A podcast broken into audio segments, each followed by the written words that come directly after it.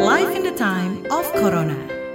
dukungan-dukungan yang diberikan itu harus kita cari tahu informasinya dari penyandang disabilitas sendiri. Tidak bisa kemudian kita bermain uh, asumsi atau kemudian mengeneralisir dukungan-dukungan itu pasti sama dengan orang lain meskipun disabilitasnya sama. Life in the time of Corona. Halo, kamu sedang mendengarkan podcast Live in the Time of Corona dan lagi-lagi ada Ines Nirmala di sini yang nemenin kamu di episode kali ini. Tentu saja, Live in the Time of Corona adalah podcast yang akan membantu kamu menavigasi hidup bersama pandemi COVID-19. Masa depan harus bisa diakses setiap orang, termasuk teman-teman disabilitas fisik atau mental. Tetapi perjuangan untuk mencapai ruang setara memang masih panjang, baik karena infrastruktur yang belum inklusif, lingkungan sosial yang diskriminatif, atau kebijakan yang belum sepenuhnya pro disabilitas. Bahkan masih ada perlakuan buruk seperti body shaming dan lain-lainnya. Tentunya kita nggak boleh lelah dan dari diri kita sendiri atau kelompok bisa bersama-sama mengupayakan panggung yang setara bagi disabilitas. Bagaimana langkah untuk memastikan bahwa hak dan kesejahteraan penyandang disabilitas dilindungi khususnya di tengah pandemi? Inilah yang akan kita bahas di episode kali ini yang juga akan berbincang-bincang dengan Mas Solih Mudlor, Gender Equality, Disability and Social Inclusion atau GETSI Officer dari Sentra Advokasi Perempuan Difabel dan juga Anak Sabda Yogyakarta. Halo Mas Soleh, apa kabar? Halo Mbak Ines, selamat siang, selamat sore. Alhamdulillah sehat Mbak Ines. Teman-teman di studio gimana? Sehat-sehat juga, thank you nih Mas Soleh udah bisa menyempatkan waktunya buat ngobrol-ngobrol di podcast Live in the Time of Corona episode kali ini ya harus disempatkan Mbak Ines. Iya, karena Mas Soleh ini sibuk banget, banget kita tahu ya dan ini bisa ngobrol-ngobrol bareng sama kita. Langsung aja deh saya mau ajak ngebahas seputar tema di episode kali ini yaitu peduli disabilitas di tengah pandemi Covid-19. Dan kalau membicarakan kelompok disabilitas, memang mereka ini menjadi salah satu kelompok rentan di masa pandemi. Nah, Mas Soleh bisa diberikan hmm? gambaran secara umum gimana sih kondisi teman-teman disabilitas selama pandemi COVID-19 yang sudah berlangsung dua tahun terakhir ini? Ya, oke. Okay. Terima kasih Mbak Ines dan salam uh, jumpa untuk para pendengar KBM Prime di mana pun berada. Baik, jadi uh, seperti yang kita tahu bahwa kemudian dua tahun pandemi ini membawa dampak ke semua orang. Artinya bahwa kemudian semua orang itu terdampak. Tidak ada kecuali semua orang terdampak, tetapi ada beberapa kelompok orang atau beberapa orang yang kemudian memang mereka memiliki dampak pandemi. Di mana kemudian salah satu dampak itu adalah kelompok rentan yang penyandang disabilitas termasuk di dalamnya. Nah, selama kondisi pandemi dua tahun ini memang kemudian uh, di awal-awal pandemi penyandang disabilitas adalah uh, satu kelompok yang kemudian mengalami uh, shock yang luar biasa dengan adanya pandemi, terutama dengan adanya aturan-aturan uh, protokol kesehatan yang kemudian harus diterapkan untuk mencegah penularan dan penyebaran virus uh, corona 19 uh, di antara masyarakat. Artinya begini, salah satu hal yang kemudian penting dan wajib dilakukan dalam uh, masa pandemi itu adalah 3M, menjaga jarak, uh, mencuci tangan, dan kemudian memakai masker. Nah, mencuci tangannya uh, itu akan menjadi beberapa situasi untuk teman-teman disabilitas tertentu. Menjaga jarak itu juga jadi problem untuk uh, beberapa ragam disabilitas. Sementara kemudian uh, yang ketiga, memakai masker itu juga uh, bisa menjadi satu masalah untuk uh, misalnya teman-teman tuli. Sehingga selain kemudian mereka punya kerentanan-kerentanan yang kemudian nanti kita bisa bicarakan lebih lanjut terkait dengan kondisi kesehatan, ekonomi, sosial dan lain sebagainya, dari sisi yang paling mudah, paling generik yaitu uh, apa protokol kesehatan itu juga ternyata uh, sudah membawa dampak untuk teman-teman dengan disabilitas. Dalam hal ini misalnya uh, untuk jaga jarak ini akan sangat sulit dilakukan oleh uh, dan kepada teman-teman dengan disabilitas netra misalnya. Di mana kemudian uh, ketika mereka bermobilitas, ketika mereka kemudian berinteraksi, maka sentuhan, gandengan dan lain sebagainya itu uh, menjadi sesuatu yang kemudian tidak dapat dihindari atau harus dilakukan oleh teman-teman uh, uh, ketika berinteraksi dengan teman-teman dengan disabilitas penglihatan atau yang uh, terutama untuk yang memiliki netra total. Nah, sementara kemudian untuk memakai masker itu juga akan bermasalah untuk teman-teman tuli karena teman-teman tuli itu akan berkomunikasi dengan bahasa isyarat yang dipadukan dengan mereka membaca mimik wajah dan juga membaca gerak bibir. Sehingga ketika kemudian mereka ditutup maskernya, maka otomatis gerak bibir dan mimik wajahnya tidak akan terlihat sepenuhnya. Nah, sementara kemudian uh, mencuci tangan itu juga uh, juga jadi masalah untuk teman-teman dengan hambatan mobilitas. Di mana kemudian di awal-awal pandemi, tempat cuci tangan yang kemudian ada itu biasanya itu akan menyulitkan untuk teman-teman dengan uh, hambatan mobilitas, seperti pengguna kursi roda, pengguna krok, dan lain sebagainya dari soal penempatan, dari soal ketinggian tempat cuci tangan, dari soal menuju ke tempat cuci tangan yang mungkin licin dan lain sebagainya.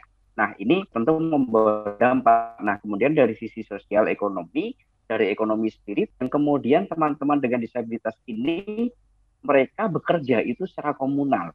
Artinya mereka mencari nafkah itu bersama-sama bergabung uh, di antara uh, dua atau lebih teman-teman penyandang disabilitas untuk kemudian mereka bersama-sama uh, membangun sebuah usaha gitu. Katakanlah yang paling kentara itu misalnya teman-teman tunanetra dengan uh, panti pijatnya.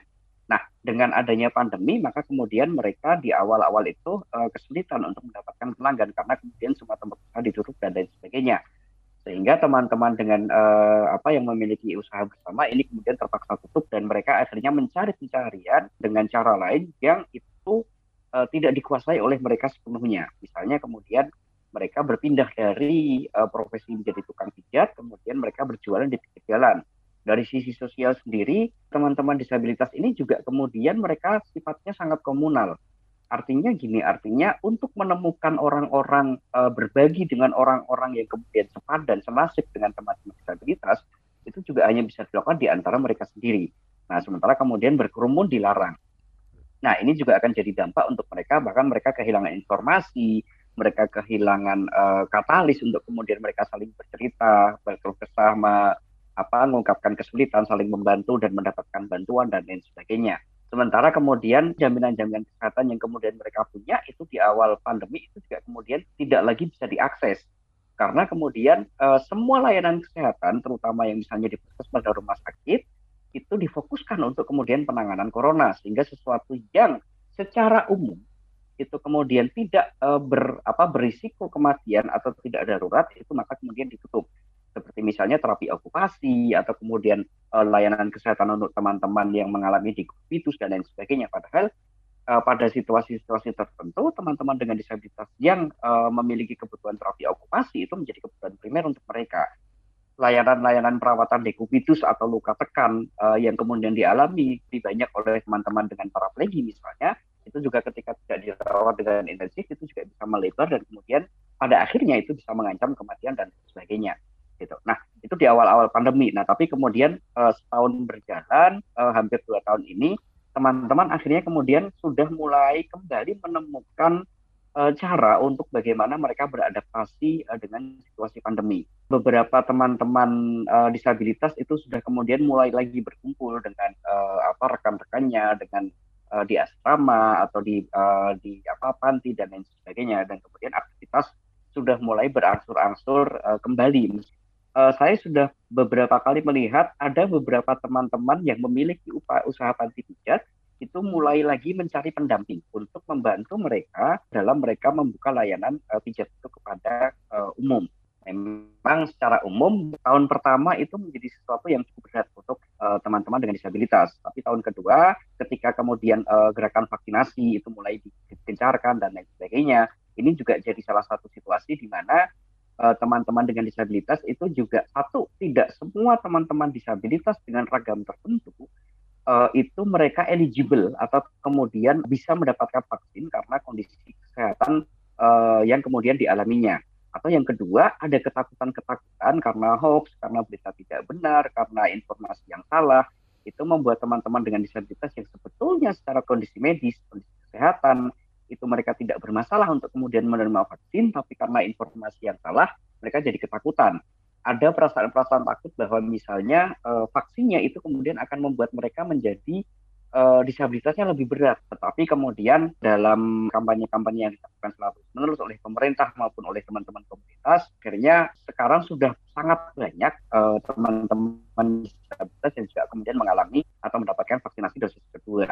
Nah dari sana kemudian kesempatan-kesempatan itu mulai terbuka lagi untuk teman-teman dengan disabilitas sehingga uh, mereka mulai berkumpul lagi, mereka mulai bersosialisasi lagi, mereka mulai uh, bekerja bekerja bersama lagi dan lain sebagainya. Sehingga di tahun kedua sampai kemudian akhir 2021 ini aktivitas-aktivitas teman-teman itu sudah mulai dilakukan meskipun kemudian hybrid teman teman-teman juga kemudian mulai sudah mulai sangat terbiasa dengan platform-platform pertemuan uh, daring dan lain sebagainya. Kemudian mereka saling bertanya kabar, sekedar bertanya kabar atau kemudian uh, melakukan uh, sosialisasi uh, di antara mereka. Di sisi positifnya ini membuka kesempatan untuk teman-teman disabilitas yang punya kesulitan mobilitas ketika dulu mereka itu tidak memungkinkan untuk hadir dalam acara-acara seminar, dalam acara-acara pelatihan, dalam acara-acara uh, apa uh, kumpul-kumpul rame-rame dengan adanya platform pertemuan daring ini ini justru membuka kesempatan baru untuk mereka karena mereka tidak perlu lagi pergi dari rumah tapi mereka tetap kemudian mendapatkan ilmu, mendapatkan informasi dan lain sebagainya. Ternyata memang banyak tantangan dan permasalahan yang dihadapi oleh kelompok disabilitas di tengah pandemi COVID-19 ya dan tentu saja Betul. mereka mengalami tantangan yang lebih besar juga dalam menghadapi pandemi. Iya, betul. Iya, dan juga sekarang pemerintah terus menggiatkan vaksinasi bagi kelompok disabilitas dan Sabda mm -hmm. juga mendorong ya teman-teman disabilitas untuk melakukan vaksinasi COVID-19 ya, Mas? Betul. Kita juga punya satu dua layanan informasi gitu. Kita bikin flyer, kita bikin uh, semacam uh, audio visual untuk kemudian bagaimana vaksinasi ini bisa dilakukan dan kita juga pernah terlibat bersama dengan teman-teman lembaga swadaya masyarakat di Jogja untuk kemudian memberikan layanan vaksinasi bagi kelompok rentan di beberapa bulan yang lalu. Saya agak lupa. Dan kalau bentuk dukungan itu sebenarnya apa sih yang sangat diperlukan bagi teman-teman disabilitas di tengah pandemi ini? Jadi bicara soal dukungan, ini ada beberapa hal yang kemudian kita bisa uh, bicarakan. Dukungan pertama tentu saja dapat diberikan oleh peer-nya sendiri, oleh teman-teman, uh, oleh rekan-rekan dengan disabilitas atau ragam disabilitas yang sepadan atau sama. Kemudian yang kedua itu adalah dukungan yang diperlukan dari uh, orang-orang di sekitar mereka yang bukan penyandang disabilitas dalam upaya-upaya untuk kemudian memberikan kesempatan, memberikan informasi dan lain sebagainya. Nah, orang-orang di sekitar mereka ini bisa jadi kemudian uh, misalnya keluarga atau kemudian pengurus panti ketika mereka tinggal di panti atau kemudian warga sekolah yang lain ketika mereka masih sekolah atau juga masyarakat umum di tempat sekitar mereka tinggal. Kemudian dukungan yang selanjutnya itu adalah tentu saja dukungan dari pemerintah. Bagaimana kemudian eh, program-program yang yang ada di pemerintah, bagaimana kemudian misalnya pendanaan, bantuan yang bantuannya tidak dalam bentuk charity dan lain sebagainya itu juga uh, bisa diberikan tepat sasaran kepada eh, teman-teman dengan disabilitas sesuai dengan kebutuhan-kebutuhan spesifik berdasarkan ragam disabilitas yang mereka miliki gitu. Jadi kalau dalam bahasa-bahasa pembangunan kita kenal dengan namanya twin track approach atau pendekatan jalur ganda di mana kemudian kita bisa ringkas ini menjadi bahwa dukungan itu harus diberikan untuk menguatkan Eh, teman-teman dengan disabilitas itu sendiri. Artinya pemberian informasi, peningkatan kapasitas, perluasan kesempatan itu juga harus diberikan kepada teman-teman disabilitas ini sesuai dengan ragam uh, disabilitas yang mereka miliki dan juga kebutuhan spesifik yang mereka miliki dan juga kemudian pendekatan yang kedua adalah dukungan yang diberikan oleh di luar penyandang disabilitas itu sendiri yaitu adalah dari lingkungan uh, masyarakat dan juga pemerintah gitu. Nah, dukungannya dalam bentuk apa saja, maka kemudian harus didiskusikan bersama dengan teman-teman dengan disabilitas itu sendiri. Dukungan-dukungan yang diberikan itu harus berasal atau kita cari tahu e, informasinya dari penyandang disabilitas itu sendiri. Tidak bisa kemudian kita bermain e, asumsi atau kemudian mengeneralisir dukungan-dukungan itu pasti sama dengan orang lain meskipun disabilitasnya sama. Jadi untuk memberi dukungan pun itu bentuknya kita harus uh, harus sesuaikan dengan kebutuhan dari teman penyandang disabilitas ya karena Betul. kebutuhannya pasti berbeda-beda dan yang diharapkan bukan sekedar memberikan bantuan yang charity tapi juga bisa menguatkan betul. mereka ya Mas. Betul sekali, betul sekali. Jadi bahwa prinsip-prinsip untuk kemudian uh, dukungan dalam bentuk charity itu kan sesuatu yang sebetulnya seharusnya sudah kita tinggalkan itu so 90s lah ya uh, tahun 90-an kemarin itu boleh lah karena kemudian waktu itu undang-undang yang ada undang-undang uh, nomor 4 tahun 1997 itu juga mengisyaratkan bahwa bantuan-bantuan yang diberikan kepada teman-teman penyandang disabilitas itu adalah bantuan-bantuan dalam bentuk charity. Sementara kemudian ketika kita sudah meratifikasi UNCRPD di tahun 2011 dan kemudian kita sudah mengesahkan Undang-Undang Penyandang Disabilitas di 2016, uh, bentuk-bentuk bantuan dan dukungan itu tidak lagi jadi tipis, tetapi kemudian rights based atau berdasarkan hak di mana hak ini ukurannya adalah hak asasi, di mana kemudian dia disability atau tidak, dia uh, apa bisa melihat atau tidak bisa melihat, maka kemudian kita harus lihat ini sebagai bahwa dia tetap manusia biasa yang kemudian dia memiliki kebutuhan-kebutuhan yang sama dengan manusia lainnya. Kebutuhannya apa? Secara spesifik ya kemudian harus kita tanyakan kepada si pemilik kebutuhan itu sendiri dalam hal ini uh, penyandang disabilitas. Iya, dan uh, kalau sejauh ini gimana sih teman teman-teman disabilitas melihat kebijakan pemerintah? Apakah sudah cukup mengakomodir kebutuhan mereka, terutama di tengah pandemi yang berlangsung sekarang ini, Mas? Ada beberapa hal yang kemudian kita bisa soroti dalam uh, bagaimana kemudian teman-teman dengan disabilitas melihat kebijakan-kebijakan uh, atau program yang dimiliki pemerintah. Di satu sisi ada inisiatif yang sangat bagus dari pemerintah, terutama dari Kementerian Sosial, uh, di mana kemudian Kementerian Sosial ini bagaimanapun masih menjadi salah satu tonggak utama yang kemudian memiliki tugas dan fungsi pokok terkait dengan kebutuhan dan uh, dukungan kepada penyandang disabilitas. Ini ada inisiatif yang luar biasa dari uh, Kementerian Sosial melalui program-programnya yang kemudian diturunkan ke dinas-dinas sosial di provinsi ataupun kemudian ke kabupaten kota dan akhirnya itu turun kepada Eh, petugas-petugas lapangan seperti TKSK, PSM, uh, kemudian PKH dan lain sebagainya, sudah ada pembedaan atau pengklasifikasian yang mana kemudian bantuan atau dukungan-dukungan ini memang kemudian sangat spesifik untuk penyandang disabilitas. Ini yang kemudian patut kita apresiasi bahwa uh, dengan adanya bencana pandemi COVID-19 ini pemerintah kemudian juga belajar dari keadaan-keadaan atau kondisi-kondisi bencana sebelumnya di mana kemudian ada kebutuhan-kebutuhan spesifik yang dimiliki oleh penyandang disabilitas dan kemudian itu harus diperhatikan dan dipenuhi sesuai dengan kebutuhan spesifiknya itu. Dan pemerintah sudah punya inisiatif yang uh, sangat bagus.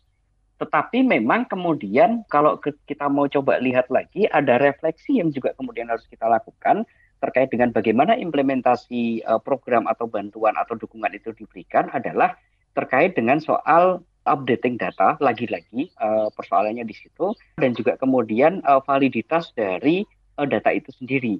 Di mana kemudian uh, masih sering terjadi di mana kemudian data yang dipakai itu adalah data dari tahun sebelumnya yang mana kemudian misalnya masih ada teman-teman disabilitas yang sudah tidak, tidak tinggal di situ, mereka sudah tidak lagi berasrama di situ, atau kemudian kebutuhannya sudah berbeda dan segala macam. Dan juga masih ada beberapa situasi di mana kemudian Eh, bantuan-bantuan itu digeneralisir.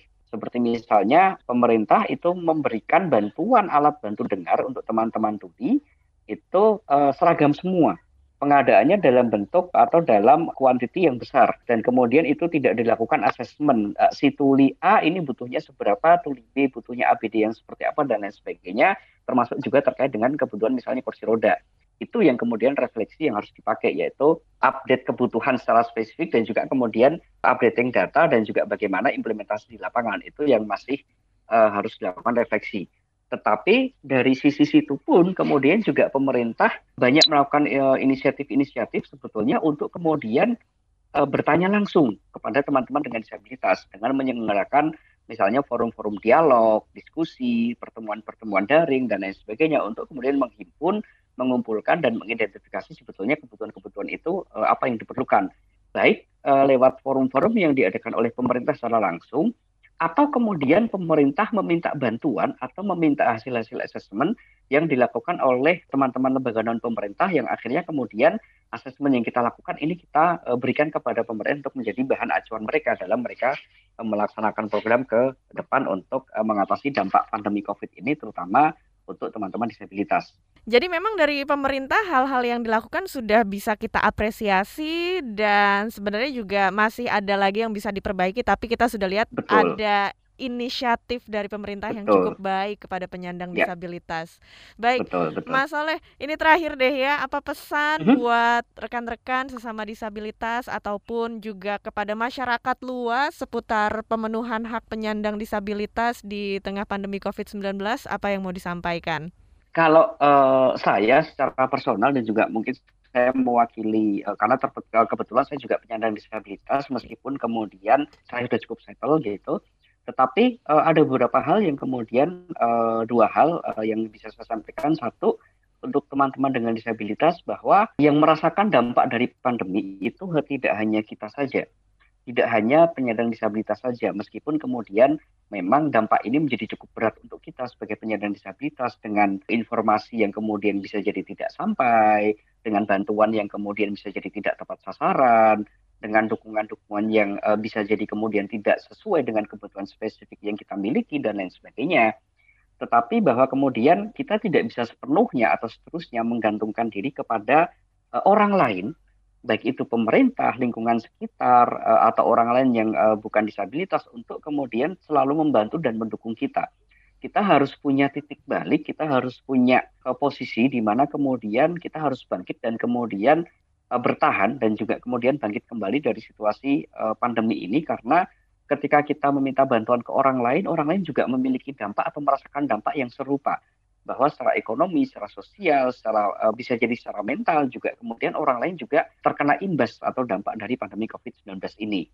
Jadi untuk eh, teman-teman dengan disabilitas, ayo sambil kemudian kita terus uh, meningkatkan kapasitas kita untuk bertahan dan kemudian keluar dari dampak pandemi ini, kita bisa tunjukkan bahwa kita bisa bertahan, kita bisa melakukan sesuatu bahwa kita bukan orang-orang yang kemudian selalu uh, dibutuhkan untuk diberikan bantuan saja, tetapi juga kita bisa melakukan sesuatu. Bahkan ada beberapa teman-teman yang juga kemudian saling membantu di antara teman-temannya sendiri. Kemudian untuk pesan-pesan uh, lain untuk masyarakat umum atau teman-teman uh, yang bukan penyandang disabilitas, mohon untuk kemudian ketika teman-teman tergerak untuk kemudian memberikan dukungan, memberikan bantuan, atau kemudian memberikan peningkatan kapasitas dan lain sebagainya kepada teman-teman disabilitas dalam rangka untuk kemudian uh, bersama-sama keluar dan uh, bangkit dari dampak pandemi ini, please libatkan secara langsung teman-teman uh, dengan disabilitas, tanyakan kebutuhan mereka apa, tanyakan apa yang kemudian bisa dilakukan bersama-sama, dan tanyakan dukungan yang seperti apa yang bisa diberikan dan uh, sejauh apa dukungan itu bisa diberikan karena kemudian seperti misalnya kita uh, apa mendorong kursi roda bisa jadi kemudian uh, kursi roda itu tidak perlu didorong dari ujung ke ujung. Tetapi ada eh, hal-hal yang kemudian bisa dilakukan oleh teman-teman disabilitas sendiri tapi ada beberapa titik di mana kemudian mereka butuh support dan bantuan orang lain.